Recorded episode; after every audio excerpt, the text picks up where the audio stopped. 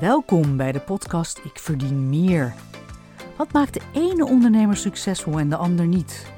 Is het hard werken, intelligentie of opleiding? Nee, maar wat is het dan wel? Mijn naam is Marion Koek en ik ben accountant, boeddhist en auteur van het boek Ik verdien meer. Ik geloof dat elke vrouwelijke ondernemer succesvol kan zijn. Maar hoe kom je daar? In deze podcast neem ik je graag mee op mijn zoektocht naar een gelukkig en succesvol ondernemerschap. Natuurlijk spelen geld en hoe je daarmee omgaat een rol.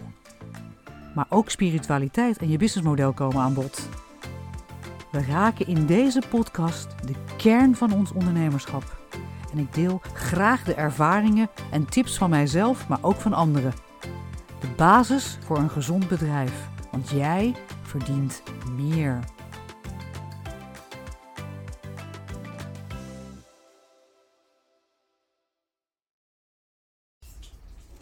Welkom bij de podcast Ik Verdien Meer. Mijn gast vandaag is mijn nicht, Mariette van Beek. Mariette is Arabist, reisjournalist en reisbegeleider. Ja, wat kan ik nog meer vertellen?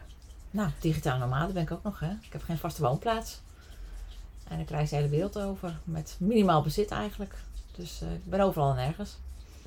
Dat is helemaal goed, want uh, vandaag gaan wij het hebben over succes in ondernemerschap. In onze zoektocht naar een gelukkiger en succesvol ondernemerschap. En uh, we zijn heel erg benieuwd wat wij van jou kunnen leren, Mariette, in deze tijd van inflatie en hoge kosten. Ja, want die kosten wel bij mij al mee, want ik heb bijna niks en ik heb geen vaste woonplaats. Dus ik heb geen hoge energierekeningen, geen benzine die ik moet eh, betalen aan de pomp. Dus um, ja, het minimalisme en mijn eenvoudige bestaan maakt me ook minder kwetsbaar voor alle dingen die nu gebeuren, denk ik. Dus daar kunnen we zeker iets van leren, denk ik. Ja, vaste last omlaag. Ja, precies. Hoe zou je jezelf omschrijven voor de luisteraars die jou niet kennen, Mariette? Uh, nou, je hebt natuurlijk al heel veel uh, gezegd. Ik ben reisjournalist inderdaad en reisbegeleider. Maar ik denk dat voor mij op het moment ook wel heel belangrijk is om te vermelden dat uh, ik een passie heb voor pelgrimeren. En religieuze erfgoed wereldwijd. Dus um, ik ben gek van de Camino de Santiago. Dat is het bekendste pelgrimspad denk ik voor mensen hier in Europa. oorspronkelijk een katholiek pelgrimspad. Maar ik ben geïnteresseerd in pelgrimspaden overal. Dus ook in islamitische landen, Aziatische landen. Dus... Um, ja, ik wil mensen daar graag bekend mee maken. Ik, uh, het is niet helemaal zo dat het gros van de wereldbevolking gelovig is. En ook al zijn we dat zelf misschien niet meer. Het is wel belangrijk om daar notie van te nemen, om ze te begrijpen. En dat past ook helemaal bij duurzaam toerisme, slow toerisme.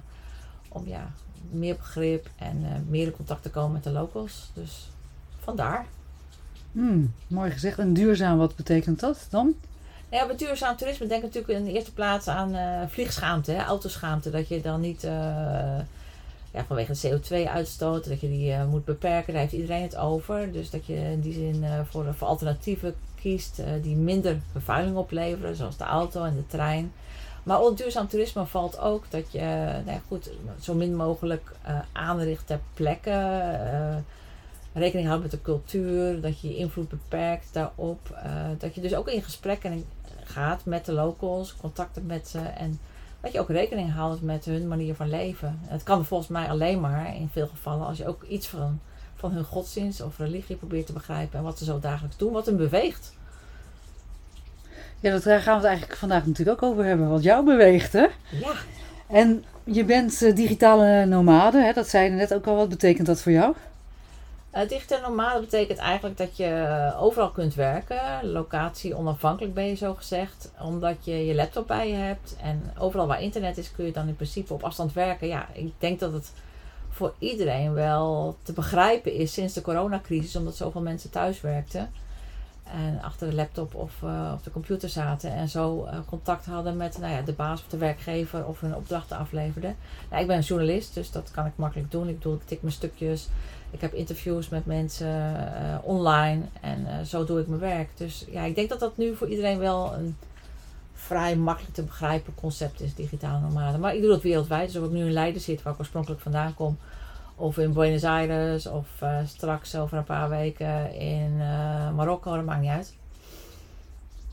Ja, zeker. Wat mooi. En hoe zie je dat ook dat andere ondernemers dat zouden kunnen toepassen?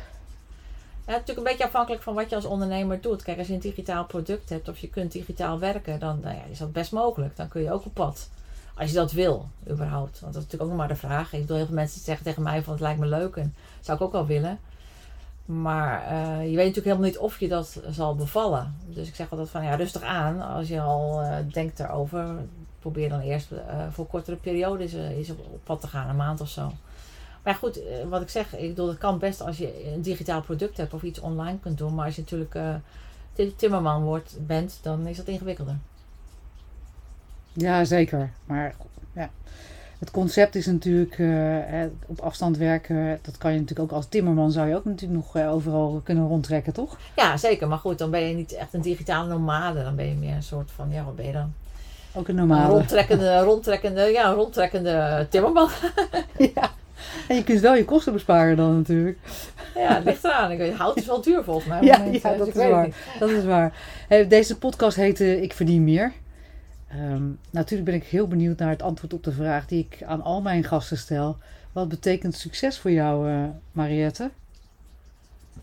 Ja, succes, dat vind ik wel een lastig concept, moet ik eerlijk zeggen. Um, ja. Kijk, in onze wereld zal het vast uh, betekenen tegenwoordig uh, beroemd zijn, veel geld verdienen, dat soort zaken. Maar voor mij is het toch vooral um, doen wat ik ja, leuk vind. Ik wil niet elke dag doen wat je leuk vindt. Ik bedoel ook niet als je ondernemer bent, want je hebt ook meer administratie en zo. Maar toch over het algemeen dingen doen die je passie hebben. Reizen doe ik graag, schrijven doe ik graag. Dus als ik dat kan doen en daar ook nog mijn geld mee kan verdienen, ja, dat, dat, als dat lukt, dan vind ik dat succes. Dus uh, ja, en dan ben ik misschien niet beroemd of ik ben niet stinkend rijk, want dat ben ik niet. Want het is zeg maar, ik ben, ik ben een ondernemer, maar ik ben geen grote onderneming en ik ben in mijn eentje. Maar ik vind in die zin dat ik wel succesvol ben. Want ik doe toch al nou, jaren wat ik, uh, wat ik ambieer, wat ik leuk vind. En de laatste tijd is daar nog die component bijgekomen van pelgrimeren en religieus erfgoed. Wat, wat, wat ik eigenlijk pas later ontdekt dat ik, dat ik daar, dat nog veel leuker vind om daarover te schrijven of daarmee bezig te zijn dan uh, met reizen alleen. Dus uh, voor mij heb ik het alleen maar beter gemaakt. Dus ja. Zo, dus als ik het goed begrijp, is succes voor jou toch het volgen van je passie. Ja. Maar voor veel mensen is, is de maatstap voor succes geld. Um, hoe verdien je dan je geld? Ik. Um, nou ja, ik, ik, ik, schrijf natuurlijk uh, stukken voor websites, mm -hmm. voor tijdschriften. Um, ik schrijf ook boeken over reizen. Jordanië, de titel Jordanië ligt in de winkel van mij. En de Azoren. En daar krijg je royalties over. En ook auteursrechten via de bibliotheken. Ik heb mijn eigen website waar affiliate links aan vastzitten. Uh, ik begeleid reizen. Dus ik, ja, op verschillende manieren verdien ik mijn geld. Op een manier die ik ja, leuk vind. Dus. Oh, dat, is, dat is fijn. En uh, hoe zou je je relatie met geld, hoe zie je die? Ik denk dat want, ik het... Ja. Want, je zegt, want je zegt natuurlijk van, uh, ja, ik verdien daar geld mee. Kan je dan ook zeggen van, verdien je daar dan genoeg mee? Uh, wat is dan genoeg? Hè, hoe, hoe, ziet jouw relatie met geld eruit? Ja, wat is genoeg is natuurlijk heel uh, persoonlijk. Ik zelf denk dat ik weinig geld nodig heb. Maar dat komt ook omdat ik uh, zeven jaar geleden ervoor heb gekozen om helemaal minimalistisch te gaan. op reis te gaan mijn huis af te stoten in Nederland. Maar ja, ik had geen auto, maar ook geen auto meer te rijden. Dus al die, mijn vaste lasten zijn echt dramatisch gekelderd. Dus dat scheelt al, want voor dat geld hoef ik dan ook niet te werken. Dus ik heb sowieso minder nodig per, per, uh, per maand. En als ik in Nederland ben, pas ik op huizen. Dus daar ben ik ook geen geld aan kwijt. Dus zit ik gratis in die huizen. Ik heb ook geen uh, energierekening als ik in het buitenland ben, zit ik over het algemeen goedkoop. Dan, uh, dus dat is voor mij ook een, een, een, vorm van geld verdienen. Ik verdien, verdien ik iets van 1500, 2000 netto in de maand. Maar ik verdien ook geld door gewoon uh, bepaalde rekeningen niet te hebben. Dus ik, als ik gratis woon of ik woon heel goedkoop in het buitenland.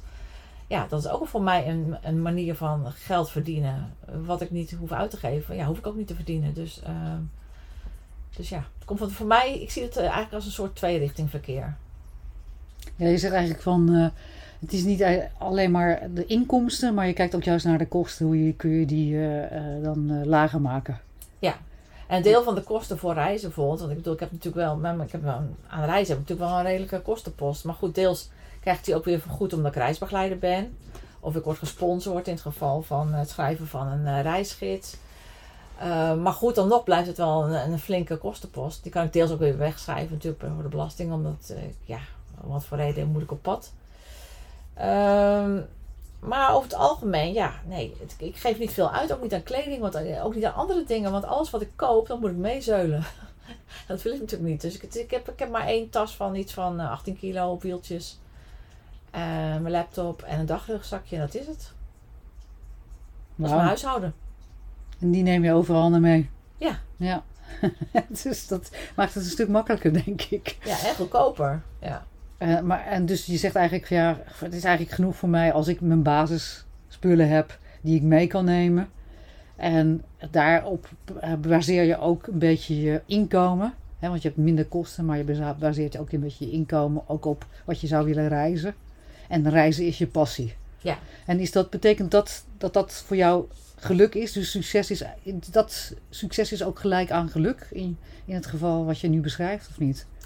Ja, deels. Nou, dat, dat, vind dat vind ik op zich wel een goede vraag. Want kijk, op zich eh, is het wel succesvol, dit concept. En coronatijd was het weer even wat anders, maar misschien kunnen we het daar straks nog over hebben. Ehm, je kunt zeggen van oké, ik leid mijn leven zoals ik dat wil leiden, dus dat is succesvol. Maar tegelijkertijd is het natuurlijk zo dat mijn leven ook zijn ups en downs kent. Zoals iedereen ups en downs heeft. Ik bedoel, er zijn dingen in de familie, er gebeuren dingen met vrienden. Eh, waardoor ik soms verdrietig ben of ik ben op afstand. Dus het is niet zo dat omdat ik het leven leid of het werk doe dat ik leuk vind, dat ik dan per se van ochtends vroeg tot 's avonds laat eh, loop te juichen of zo. Dus ik ben over het algemeen gelukkig, zeker. Met eh, de, de het pad dat ik gekozen heb. Maar dat betekent niet per se dat ik elke dag super gelukkig ben. Want andere dingen in het leven gaan ook door. Het is niet alleen werk en die carrière. Ja, dus su- succes in je ondernemerschap wil nog niet betekenen dat, dat je dan ook super gelukkig bent. Nou ja, het sluit andere tegenslagen op, op andere vlakken niet uit. Ik bedoel, privé kan er ook nog van alles gebeuren. Je kunt zelf ook ziek worden. Of je kind. Of eh, nou ja, mensen in de familie. Er kan van alles gebeuren qua tegenslagen. Dus, ehm, en dat hou je niet tegen door een, een, een baan of een onderneming te beginnen die op zich 100% bij jou past. Andere dingen gaan ook door het leven.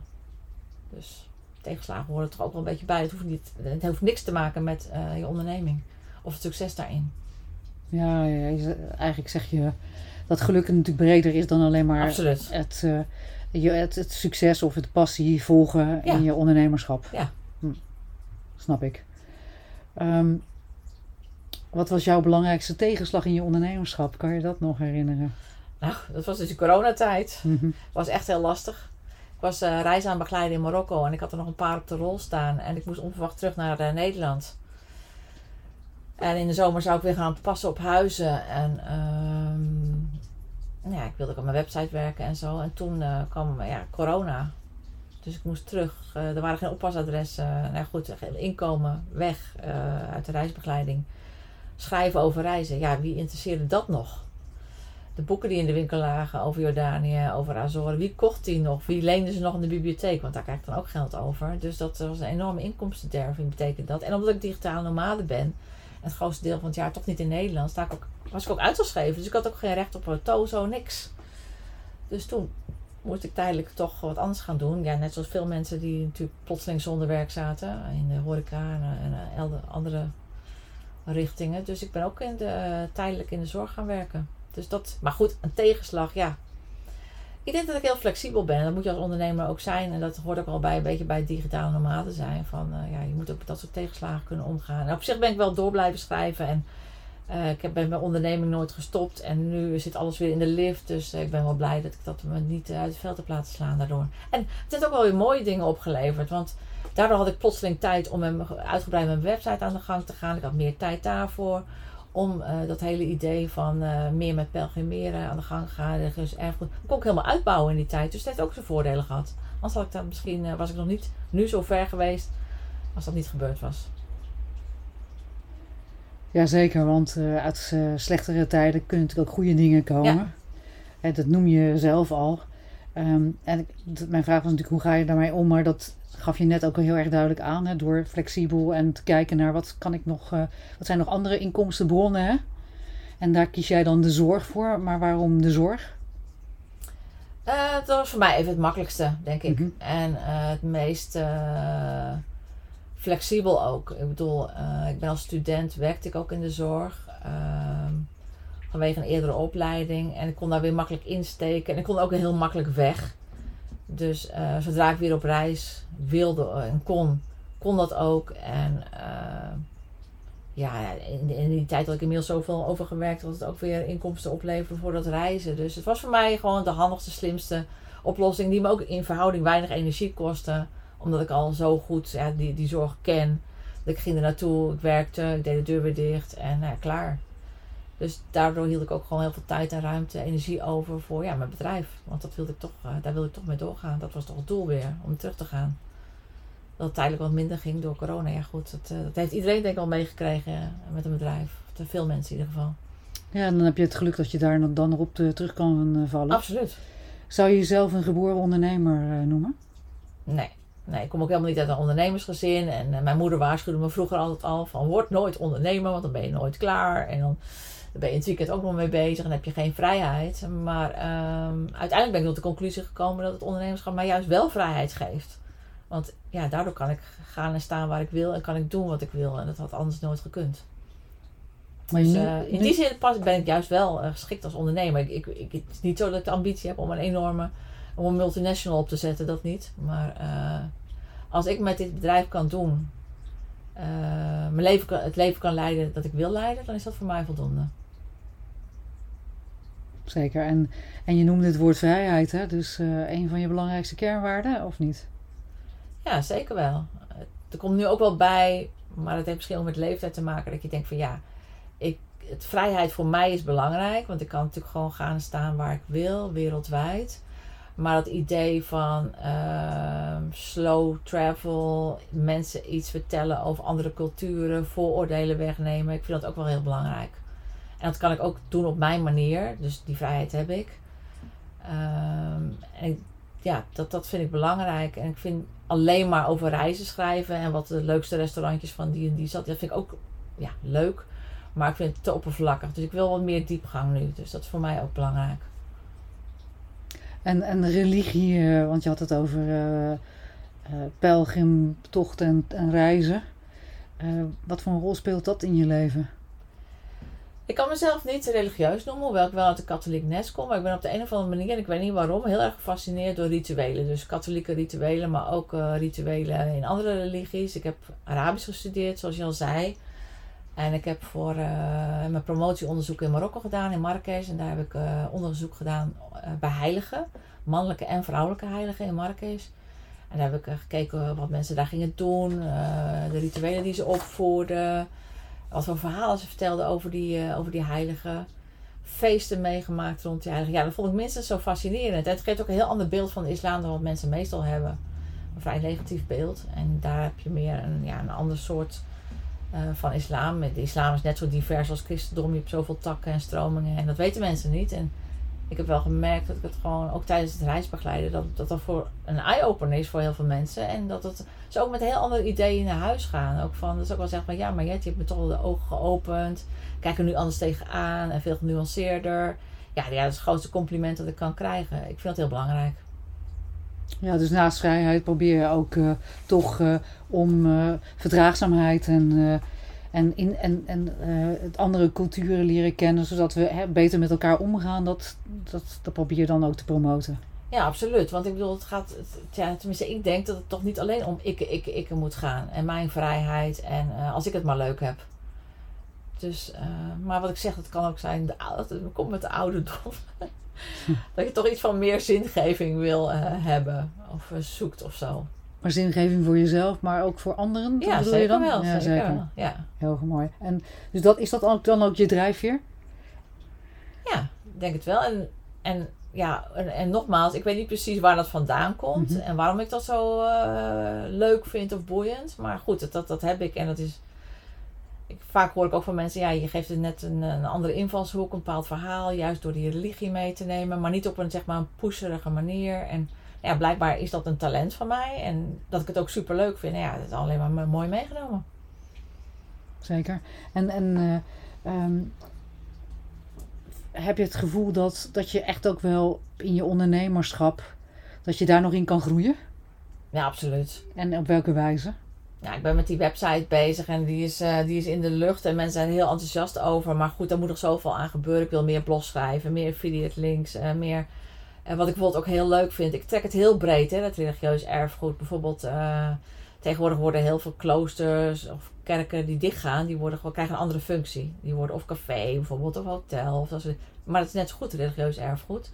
En ik vind het ook leuk om daar iets mee te doen. Ik vind dat zelf veel meer, veel karakteristiekere uh, plaats om te verblijven of te logeren dan bijvoorbeeld een standaard nou ja, hotel. Dus die promote ik ook. En ja, daar kan ik dus ook commissie op verdienen bijvoorbeeld. Uh, door, die, door te linken naar die hotels. Um, naar bepaalde reizen, ook mijn eigen reizen. Bepaalde boeken die bewustwording brengen. Bepaalde muziek ook. Dus uh, ja, ik, ik, moet nog heel veel van dat soort dingen integreren in mijn website. Maar, um, en natuurlijk ja, traffic uh, genereren.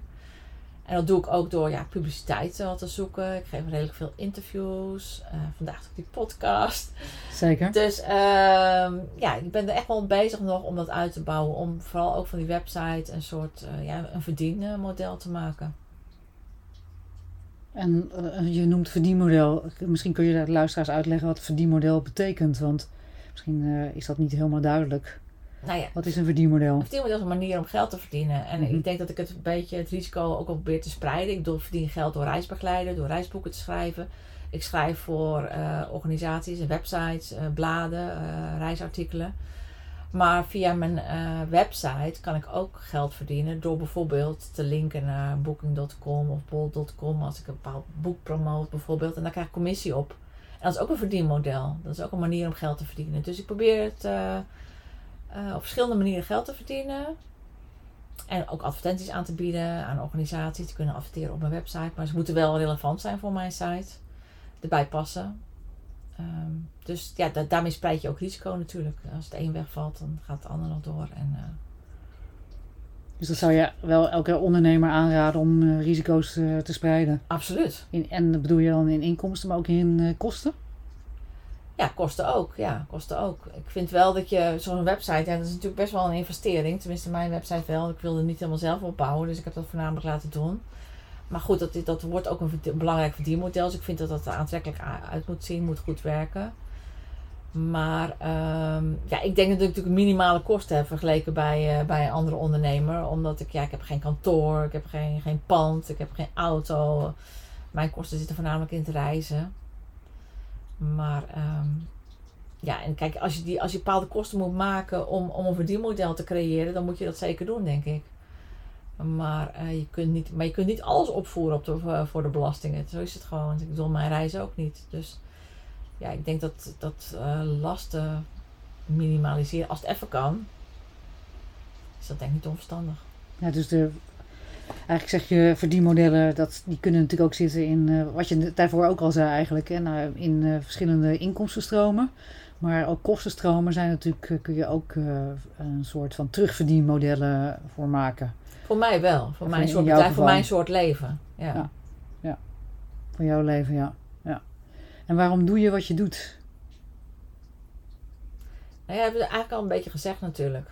Uh, ik paste gewoon niet op een kantoor. Of, uh, ik heb, ben gepromoveerd, dus ik zat aan de universiteit. En daar was ik aan verbonden. Ik gaf colleges. Uh, na mijn onderzoek in Marokko moest ik een proefschrift schrijven.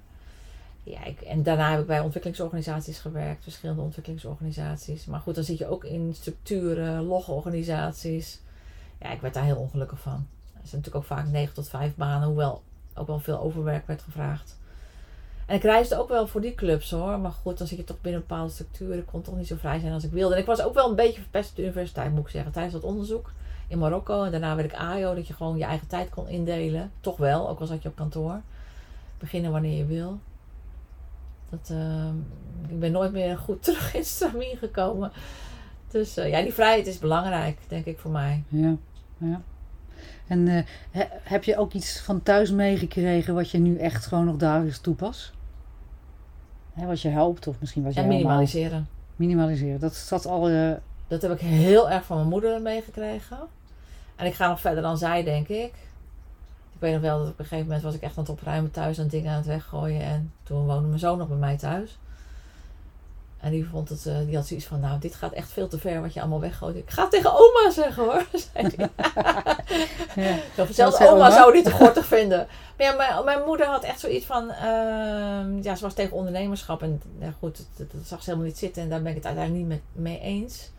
Maar ik, ik, wat zij wel zoiets had... Zij was ook een van degenen die, die, die, die in huis eigenlijk tegenhield... dat bepaalde dingen er kwamen. Zoals eh tv is vrij laat gekomen. Huishoudelijke apparaten hebben bij ons nooit... nooit de keuken ingekomen. Ze had altijd zoiets van... Ja, weet je, je betaalt ervoor. Het is duur. En waarom eigenlijk? Van, je moet het schoonhouden... Eh, afschrijven bij spreken. Na een tijd, na van tijd is het weer kapot en dan moet je het vervangen. En daar moet je allemaal voor werken. En waarom? Je hebt eigenlijk alleen maar last van, weet je. Het is, eh, zij was heel praktisch. En, en ik denk dat ze voor een groot deel... Ik vind ik nog steeds dat ze gelijk heeft in heel veel dingen. En waarom ga je iets... Nou, om, om nog een recent voorbeeld te geven. De haar tv's moesten vervangen. Van analoog werd dat digitaal of zo. Hè, de tv's of de... Dat kon niet anders. Dus ook in mijn omgeving waren veel mensen die plotseling zo'n tv moesten, een nieuwe tv moesten kopen. Terwijl de andere dingen nog prima werkten. En zij is daar zo fel op tegen. Dat ze is van oké, nou ja, goed, dan dan maar geen tv meer. Dan luister ik alleen maar naar de radio. En ze heeft genoeg geld. En eh, ze kan ook van iemand anders een tweedehands krijgen. Mijn zwager zit in die business. Maar nee, ze vindt het gewoon zo'n wegwerpmaatschappij. Zo van het werkt nog en waarom gooi je het dan weg? Waarom? Nou ja, ik, ik zit daar, daar zit wel iets in. Heel duurzaam eigenlijk is mijn ja, moeder. Ja, ja, ja. ja. En, maar, het, is wel een, eh, een, eh, een goed statement. Hè? Dat, dat, dat alles wat, wat je koopt, dat je bij af, af moet vragen, dan heb ik het nou echt wel nodig. Hè? Ja. Want er wordt natuurlijk heel veel gevolgd dat er in de media. En we hebben altijd van alles nodig. En dat is eigenlijk in het ondernemerschap natuurlijk ook. Hè?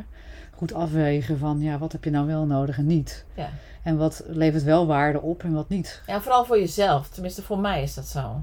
Kijk, het is natuurlijk vaak dat je hoort van ja, als ondernemer moet je groeien en moet allemaal meer en groter. En eh, stel je voor dat je een kantoor hebt of, of, een, of, of een zaak ergens, dan moet je ook nog een zaak in het volgende dorp hebben en groeien. Maar goed, ja, ik vind het prima als mensen dat leuk vinden, moeten ze het vooral doen. Maar ik heb zoiets van ja, eh, ik zou daar niet gelukkiger van worden. Als ik gewoon mijn leven kan leven zoals ik dat wil, met nou ja, een, een- een niet zo groot bedrijf, een kleine onderneming, dan is dat voor mij oké. Genoeg. Nou, dus eigenlijk, waar ben je nou zelf tevreden mee? Ja.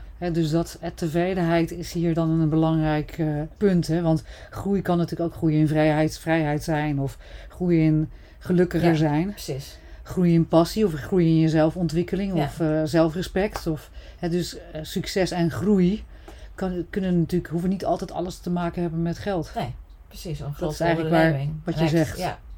Het is wel een hele belangrijke. Kijk, je had het over de corona hè, en dat je toen het ondernemerschap niet hebt opgegeven. Hè, dus je vertrouwt heel erg eigen, op je eigen kracht, hè, wat ik dan eh, voer. Maar hoe, hoe doe je dat dan in zo'n geval? Want hè, eh, met heel veel tegenslagen en dan toch het niet opgeven. Maar waar put je dan uit? Wat voor krachten? Kan je dat? Ja, dat is ook weer zo. Dat is ook weer zoiets van. eh, ik noemde het vandaag ook nog tegen een vriendin. Ik ken eh, nou goed, die Vlaamse psychiater, eh, Dirk de Wachter. Ik ben echt een fan van die man. Die heeft zoiets, ja, bepaalde dingen krijg je al mee, zeg maar, vanuit je, vanuit je wieg. En wat dat dan is, ik bedoel, je hebt natuurlijk je Nederlandse paspoort. Je bent toevallig hier geboren, toch opgegroeid in een gezin die, dat het misschien niet zo breed had. Maar goed, je, je was welkom. Je, je- ze hielden van je, je ouders. Eh, dus in die zin kwam je niks tekort. Ehm goede opleiding gehad. En ja, ik denk, maar goed, ik bedoel, mijn, mijn broer en zussen verschillen hemelsbreed van mij. Dus ik ben vrij stabiel zelf. Ik vind het geen probleem om alleen te zijn. Ehm, ik heb een goed stel hersenen. Dus bepaalde dingen heb je. Ja, het is niet mijn eigen verdienste. Die heb ik gewoon. Een positieve instelling. Eh, vechter ook wel als het eens tegen zit. Maar niet me door uit het veld laten slaan. Dus ik eh, ga gewoon door. En ja, hoe dat komt. Ik denk dat ik ook wel gemerkt heb van dat dat werkt. Eh, Zo'n instelling. Op een gegeven moment natuurlijk. Van je positieve instelling werkt. En om, om door dingen heen te komen. En hoe moeilijk het ook is. er is een, altijd licht aan het eind van de tunnel. Dat, dat, dat heb ik denk ik die ervaring gehad. En dat ik dat steeds weer meeneem. Maar eh, ja, ik heb wel een soort van vertrouwen in dingen dat het goed komt. En ja, anderen zien dat als onzekerheid. Uh, net als met corona. Iemand anders zei van nou, ik zou gek zijn geworden als ik plotseling zo in Nederland zou staan zonder adres, niks. Maar dat is ook goed gekomen. Uh, mensen kwamen, vinden het wel grappig zoals ik leef. Dus een aantal mensen waren mij goed gezind. Boden me het gebruik van hun, hun huis aan. En nou goed, dat is maar één voorbeeld. Maar het komt altijd wel weer goed op de een of andere manier. En ook door soms een stapje terug te doen. Ik bedoel, het is niet dat ik dan altijd luxe zit of uh, ik verblijf als ik even wat minder geld heb, zoals het afgelopen jaar. Dan verblijf ik ook in hostels en dan zit ik ook op een slaapzaal. Nooit voor langere tijd trouwens, want dat wil ik niet. Maar ik bedoel, ik schik me ook. Ik ben ook flexibel in die zin en ik stel wat minder hoge eisen dan. Maar ja, goed, dan kom je er weer door en dan, daarna kun je het weer opkrikken, het niveau. Maar je zegt al iets heel interessants natuurlijk, hè? want je zegt door positieve instellingen en uh, door altijd te denken, te geloven dat het goed komt, dat dat gewoon helpt, hè? Dat ook in je ondernemerschap. Ja. Dat is eigenlijk de boodschap die je je geeft. Ja. In plaats van dat om alles direct in het negatieve te trekken, wat, wat natuurlijk vaak gedaan wordt. Maar dat je denkt altijd van ja, er komt altijd een oplossing. Ja. En, um, en dat helpt natuurlijk voor het ondernemerschap ook. Ja, zeker. M mooi. Um, hoe zorg je nou dat je gezond blijft? Want uh, weet je, gezond is niet gezond. Uh, als, we, als we niet gezond zijn, dan, dan kunnen we eigenlijk niks. Maar hoe zorg jij nou dat je gezond blijft op de volgende gebieden? En dan noem ik even, hoe zorg je dat je zelf gezond blijft? Mm -hmm. uh, meta mentaal, maar ook fysiek. En financieel, daar hebben we het ook al over gehad. En continuïteit van je onderneming of continuïteit van je activiteiten. Uh, kan je daar iets over zeggen? Uh, nee, mentaal zei ik al eigenlijk iets hè, van uh, op de een of andere manier heb ik wel een positieve instelling. Mm -hmm. uh, ook bij tegenslagen. Wat me bijvoorbeeld tijdens de coronatijd, nou ja goed, dat was natuurlijk niet makkelijk. Voor de meeste mensen niet, denk ik. Maar ook gewoon privé speelden er wat dingen. ja, toen heeft wandelen me gered. Ik ben echt gek van wandelen. Dus ik ben ook pelgrimspaden gaan lopen, ook in Nederland toen. Omdat ik aan Nederland gebonden was tijdens corona. Dus ik ben pas weer gaan hardlopen ja, ik, uh, ik probeer wel in beweging te blijven. Ja, dat is niet altijd makkelijk als je op reis bent, hè. Want uh, normaal is het al, als je gewoon een heel groet, ja, routines hebt. Routine is natuurlijk belangrijk voor sport.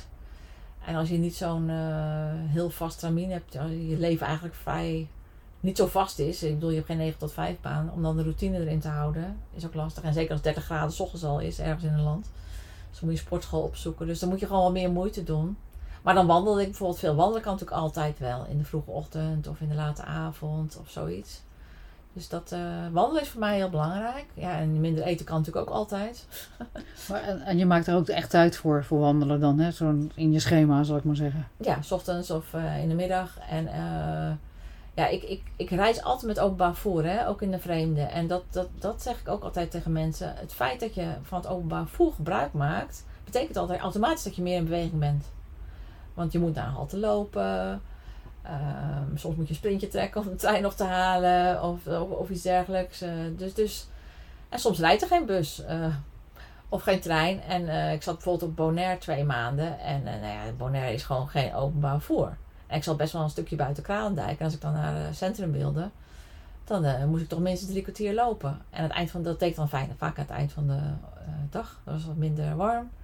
Nou goed, dan heb je toch weer die, uh, die beweging. Dus uh, het kan natuurlijk wel. Zeker. Ja, zeker. Dus ja, en, kunnen, en, en, die continuïteit, over die continuïteit. Uh, ja, ik denk dat je altijd wel met acquisitie bezig moet blijven. Soms vallen dingen natuurlijk weer weg. Bijvoorbeeld de uitgever is weg nu. Ook door de toestanden van corona. Dus je moet altijd wel weer nieuwe opdrachtgevers zoeken. En, Hoe doe je dat? Nou, je, ogen open te houden ook voor, voor, voor mogelijkheden. Want ik werk nu sinds uh, een paar jaar werk ik voor een blad, ja, Handwerkers zonder Grenzen. En denk ik, Handwerkers zonder Grenzen. Wat is dat nou? Was wat vroeger Ariadne was, wat ook bij mijn moeder thuis lag. Grootste handwerkblad van Nederland. En ze, ze, ze, ze bieden ook wel interessante reportages over allerlei handwerken, traditionele dingen die gemaakt worden in het buitenland, textieldingen. En um, nu hou ik steeds de ogen open. En dat blad kende ik eigenlijk helemaal niet. Ja, de Ariadne wel, maar Handwerkers zonder Grenzen. Ik had niet meegekregen dat het inmiddels zo heet en dat ze dit soort dingen deden. Ik kwam bij toeval achter dat er bestond. Iemand wees me erop. En sindsdien, uh, als ik in het buitenland ben, hou ik mijn ogen open voor interessante dingen. Uh, of er iets bijzonders is, een bijzondere techniek, weven, borduren of iets bijzonders.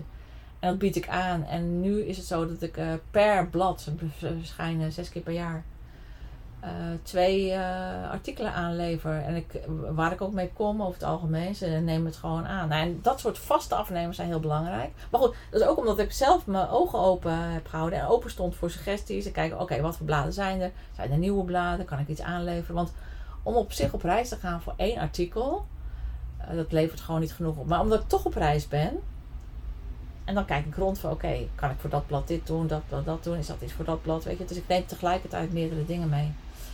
En, uh, dan, creëer je, dan creëer je eigenlijk het zelf. Ja, precies. En ook zo van, omdat ik nu meer dat, uh, die niche heb van religieus erfgoed, pelgrimeren, zit ik nu weer meer uh, richting me op dat soort bladen.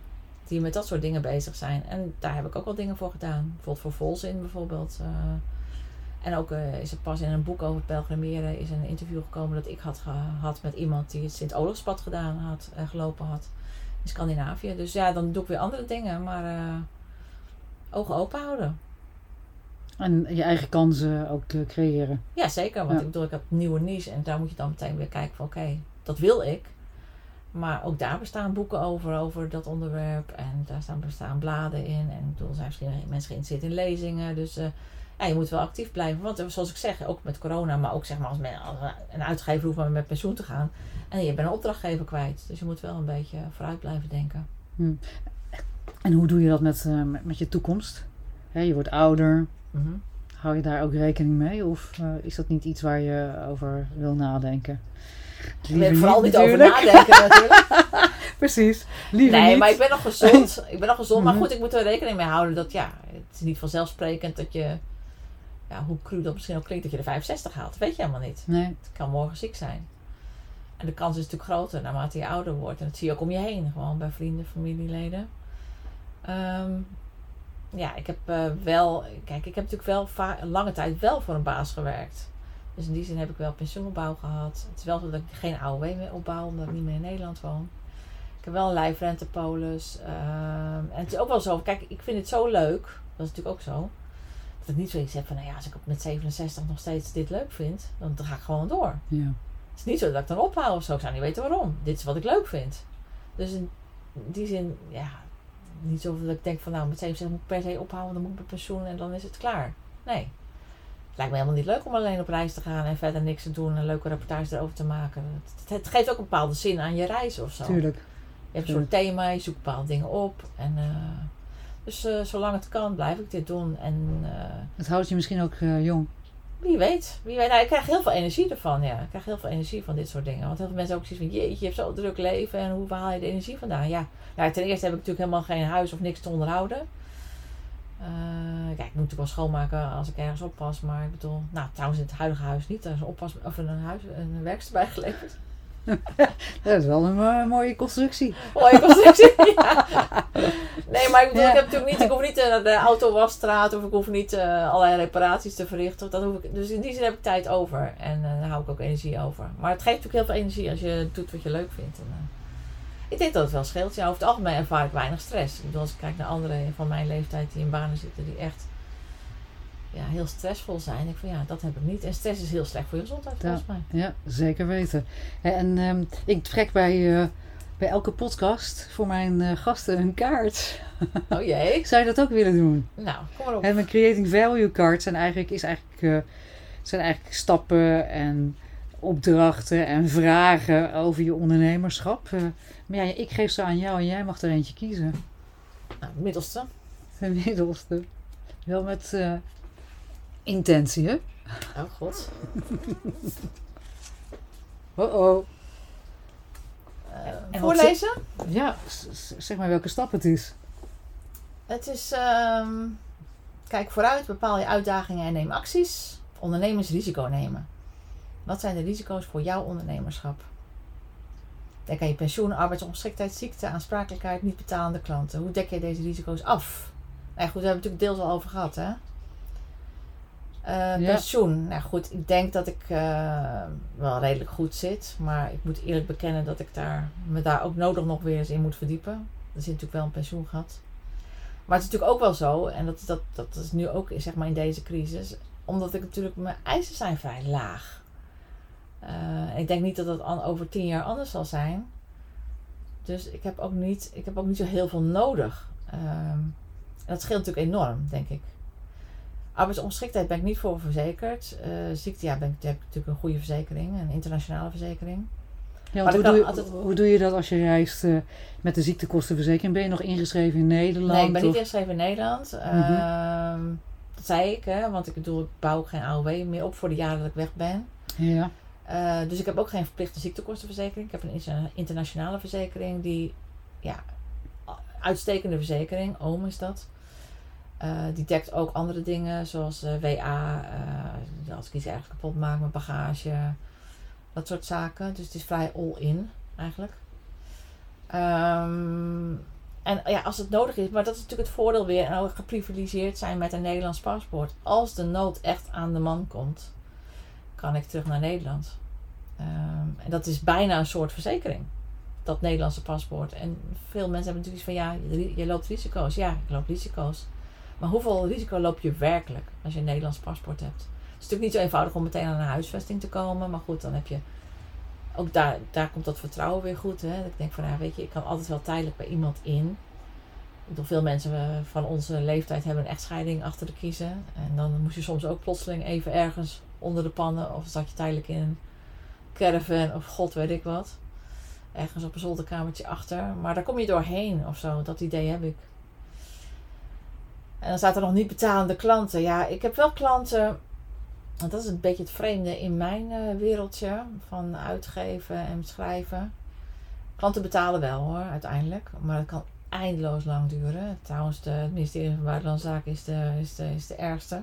Maar goed, de, wal- de- de- Het Rijk. het Rijk. Met een betaaltermijn van wanbetaler. 30 dagen.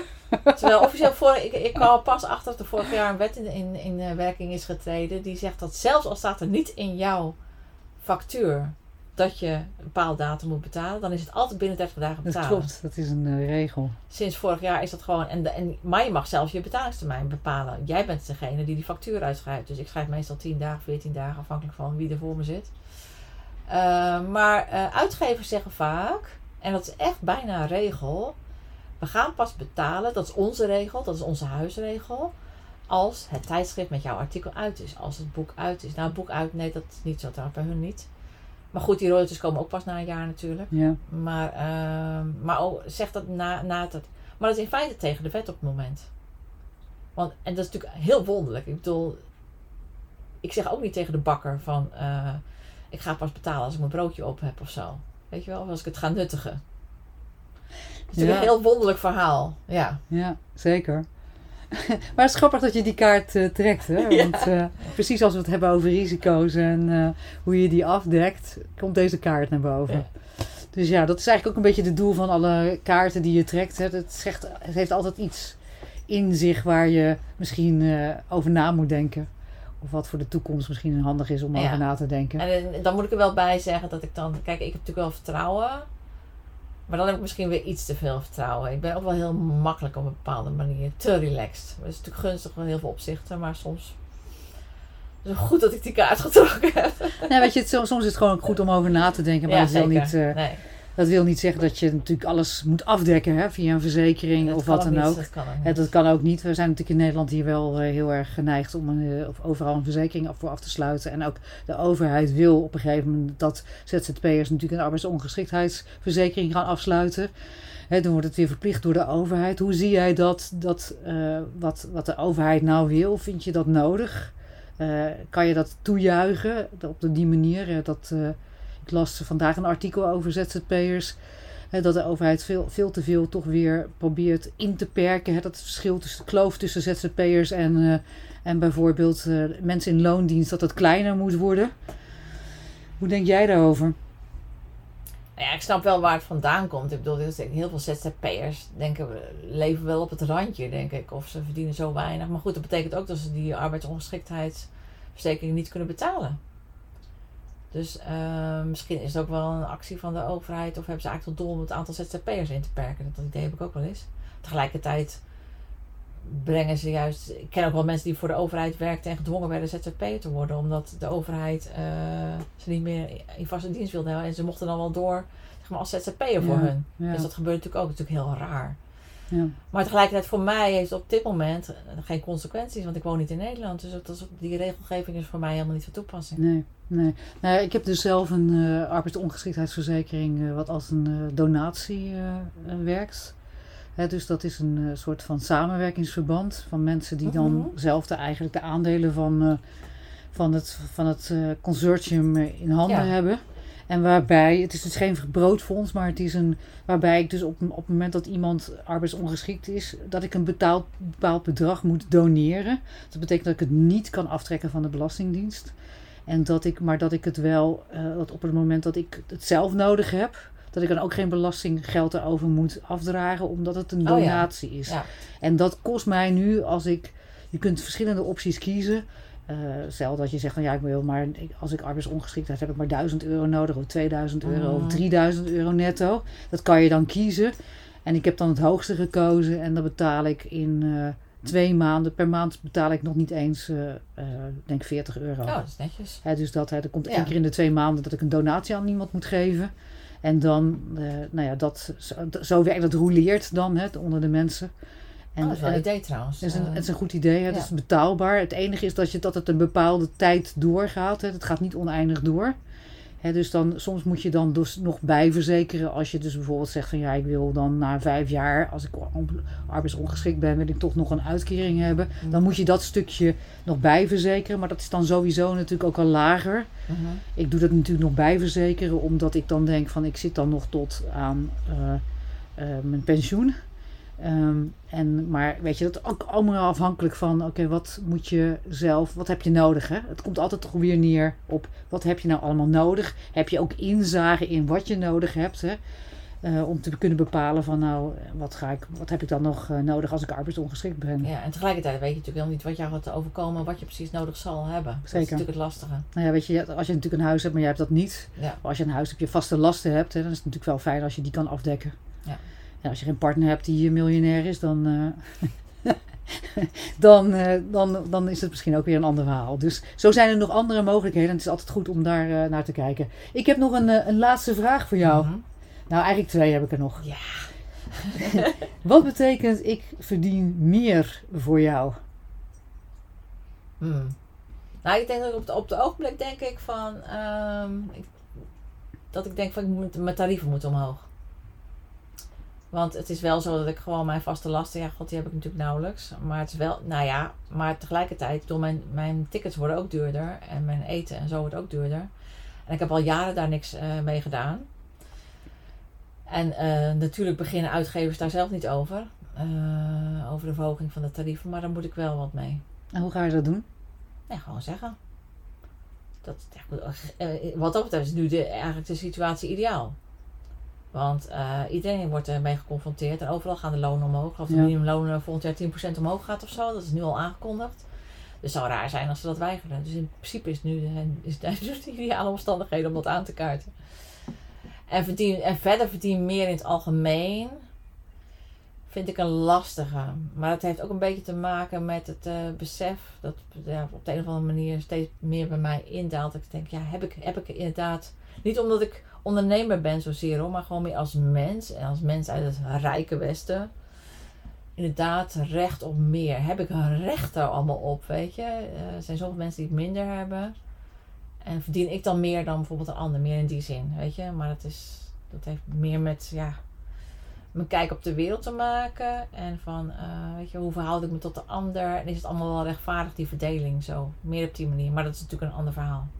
Maar dan denk je dan aan geld, hè? want dat, dat, dat komt er bij mij dan eh, op. Denk je als eh, ik verdien meer, heeft het te maken met geld of heeft het te maken met andere zaken voor jou? Ja, rechtvaardigheid. Toch wel. Eh, waarom heb ik het beter dan de ander? Ja, dat is natuurlijk geen logisch antwoord op te geven. Het is gewoon pech of geluk deels. Toch? Ook al heb je, doe je ook gewoon je best en je werkt ook gewoon hard voor dingen. Maar ehm, meer in die zin bedoel ik dat. Weet je wel, verdien ik werkelijk meer. En waarom? Omdat ik toevallig hier geboren ben, weet je. Maar goed, als we het over die tarieven hebben, vind ik wel... Ja, goed, ik vind wel dat ik gewoon, als ik gewoon kijk naar de situatie hier en mijn werk... en wat ik aflever, wat eh, altijd van goede kwaliteit is... dan vind ik, ja, het, eh, moet wel opgehoogd worden. Want dan, dan staat het niet in verhouding tot de toegevoegde waarde die jij levert, Nee. tot de waarde die jij levert. En ik, ja, precies. En ik vind ook wel, bijvoorbeeld, kijk, het gaat soms ook niet alleen over geld. Ik vind ook wel dat eh, expertise. Ik bedoel, ik heb best wel expertise op bepaalde vlakken. Ook doordat ik gewoon gestudeerd heb Arabisch. En eh, dus ik werk ook voor reisorganisaties. En de ene, e- de ene reisorganisatie waardeert dat duidelijk meer eh, dan de ander. Weet je, die hebben zoiets van, ja, nou ja, goed, daar staat ook inderdaad een, een, een, betere beloning tegenover. Maar het wordt ook uitgesproken. En eh, nou, dat vind ik ook wel belangrijk. Zo van, ook de, het wordt gehonoreerd, je ideeën over bepaalde reizen. Van dat meer dit of meer dat erin moet. Dat vind, ik, dat vind ik ook. Het is niet alleen het geld. Het is ook van erkenning van je expertise. En dat kan zich vertalen in geld, graag natuurlijk ook. En dat is ook belangrijk. Maar het is niet alleen dat, vind ik. Maar, en, en- maar dan, doordat jij die toegevoegde waarde levert, hè, die expertise, Ja. trekt dat natuurlijk ook voor die eh, reisorganisaties weer klanten aan hè, die dat waarderen. Ja, absoluut. Maar goed, niet, niet elke eh, ondernemer of elke opdrachtgever ziet dat zo duidelijk. En dat, dat is ook een beetje aan ons om dat dan natuurlijk te laten Absoluut. zien en dat ook bespreekbaar te maken. Ja, en, en ik denk ook wel, maar dat is ook inderdaad met het, eh, misschien ook met het ouder worden of met dat langer eh, in een onderneming zitten. eh, komt ook wel dat je denkt van nou, een bepaalde klant hoef ik niet meer. Ik heb geen, gewoon geen zin meer in. Ze leveren te weinig op en of ze geven me geen energie of we zitten niet op dezelfde golflengte. Eh, het, past, het past in die zin gewoon ook niet bij wat ik wil. Dus eh, je moet ook eh, op een gegeven moment, in het begin durf je dat natuurlijk niet. Hè? Elke opdracht, dat is een eer en geweldig. En, maar op een gegeven moment ben je er ook klaar mee. Ik denk, sommige, van sommigen heb je, nou ja, nee, niet meer. En dat is je, natuurlijk ook geweldig, dat je dat gewoon als ondernemer, dat is natuurlijk ook vrijheid. Van dat je zegt van nou, dag, geen zin meer in. dat komt eigenlijk ook wel een beetje voort uit het ik verdien meer. Ja. En dat je afscheid kan nemen van klanten die jou niet die eh, waarde geven of die jou niet respecteren misschien. Of Ja. waar je geen energie meer van Nee, krijgt. Dat je daar ook afscheid kan, ja, van kan absoluut. nemen. Ja, zeker. Denk ik ook. En ehm, ehm, ik kan me voorstellen dat eh, doordat onze levenskosten nou steeds hoger worden, dat er wellicht luisteraars zijn die ook overwegen om digitale nomaden te worden. Waar lopen ze dan tegenaan? Wat zijn jouw tips nog voor hen? Ja, dat vind ik ook wel lastig. Dat gaf ik in het begin eigenlijk ook wel aan. Van, eh, Het is niet voor iedereen. Gesprek. Het is, nou ja, het is niet voor iedereen. Dat, dat, dat, dat weet je niet. Ik bedoel, in feite, als het je aantrekt, eh, ga het vooral proberen. Maar ga niet alle schepen direct achter jou verbranden, lijkt mij. Eh, probeer het eerst een maandje of twee maanden. En eh, verkoop niet meteen je huis. En doe niet meteen eh, alles naar de kringloop of zo. Dat lijkt me ook niet verstandig. Dus in eerste instantie zit je met dubbele lasten toch nog dan, denk ik. Als je een huis, ja, of je vuurt je huis onder of wat dan ook. Je, je kunt natuurlijk wel een oplossing verzinnen. Maar het is niet zo meteen dat je eh, met minder eh, lasten of kosten te maken hebt. In eerste instantie is het uitproberen. Lijkt me niet verstandig om zo meteen, eh hup, van vandaag op morgen digitale normaal te worden zonder uitproberen. Zeker. Zeker. Dus dan zeg je eigenlijk van ja, eerst maar eens een maandje weg of twee maanden weg en kijken hoe dat dan loopt. Ja, precies. En wat je dan wel kan schrappen en wat je niet kan schrappen. Ja. Ja, en dan kan je het uitbouwen. Ja. Opbouwen als het ware. En als je dan afbouwen. altijd nog alles wegdoen, zeg maar, in Nederland, als je dat wil. Zeker. Nou ja, goed tip. Ja? En eh, als luisteraars meer willen weten over jouw reizen en activiteiten, waar kunnen ze je dan vinden, Mariette? Nou, een nieuwe website in eerste instantie. Dat is www.mirakelsreizen.nl. En Mirakels is dan met een Z. Dus Z en dan reizen.nl. En ik ben ook op Facebook te vinden en Instagram. En eh, onder dezelfde naam Mirakels Reizen. Of onder mijn eigen naam Mariette van Beek op Facebook. Mooi. En heb je nog iets toe te voegen waar iedereen blij van kan worden? Waar iedereen blij van kan worden. Nou, je wordt toch al blij van dit gesprek? Zeker. Zeker. Ik wel. Nou. En ik hoop de luisteraars ook natuurlijk. Hè, dus, maar, Nee, niks aan toe te voegen verder. Het was een leuk gesprek. Nou, dankjewel voor... eh, Ook mensen te inspireren. ik Dat, hoop het eh, ook. Ik hoop dat mensen wat hiervan op hebben gestoken. Hè, succes is breder dan alleen maar geld.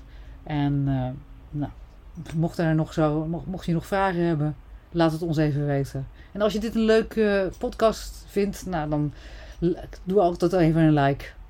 Nou Mariette, dankjewel. Dankjewel, tot ziens weer. Superleuk dat je luisterde naar deze podcast. Dank je wel. Het is mijn missie om zoveel mogelijk vrouwelijke leiders zoals jij te leren anders te denken over geld. om volledig in controle te zijn van de financiën. Zodat je in staat bent om je doelen te bereiken en je creativiteit vrij spel kan krijgen zonder financiële zorgen. Daarom maak ik deze podcast voor jou, gebaseerd op mijn boek Ik verdien meer. Je kunt de eerste hoofdstukken gratis lezen. Ga hiervoor naar www.creatingvaluecards.com. Wil je alle podcastafleveringen van mij volgen? Abonneer je dan op deze podcast. Klik in je podcast-app op de button subscribe of abonneren. Ondersteun je mijn missie? Nog beter, geef mij dan een review via je podcast-app. En op die manier kan ik nog meer vrouwelijke leiders bereiken. Dank daarvoor.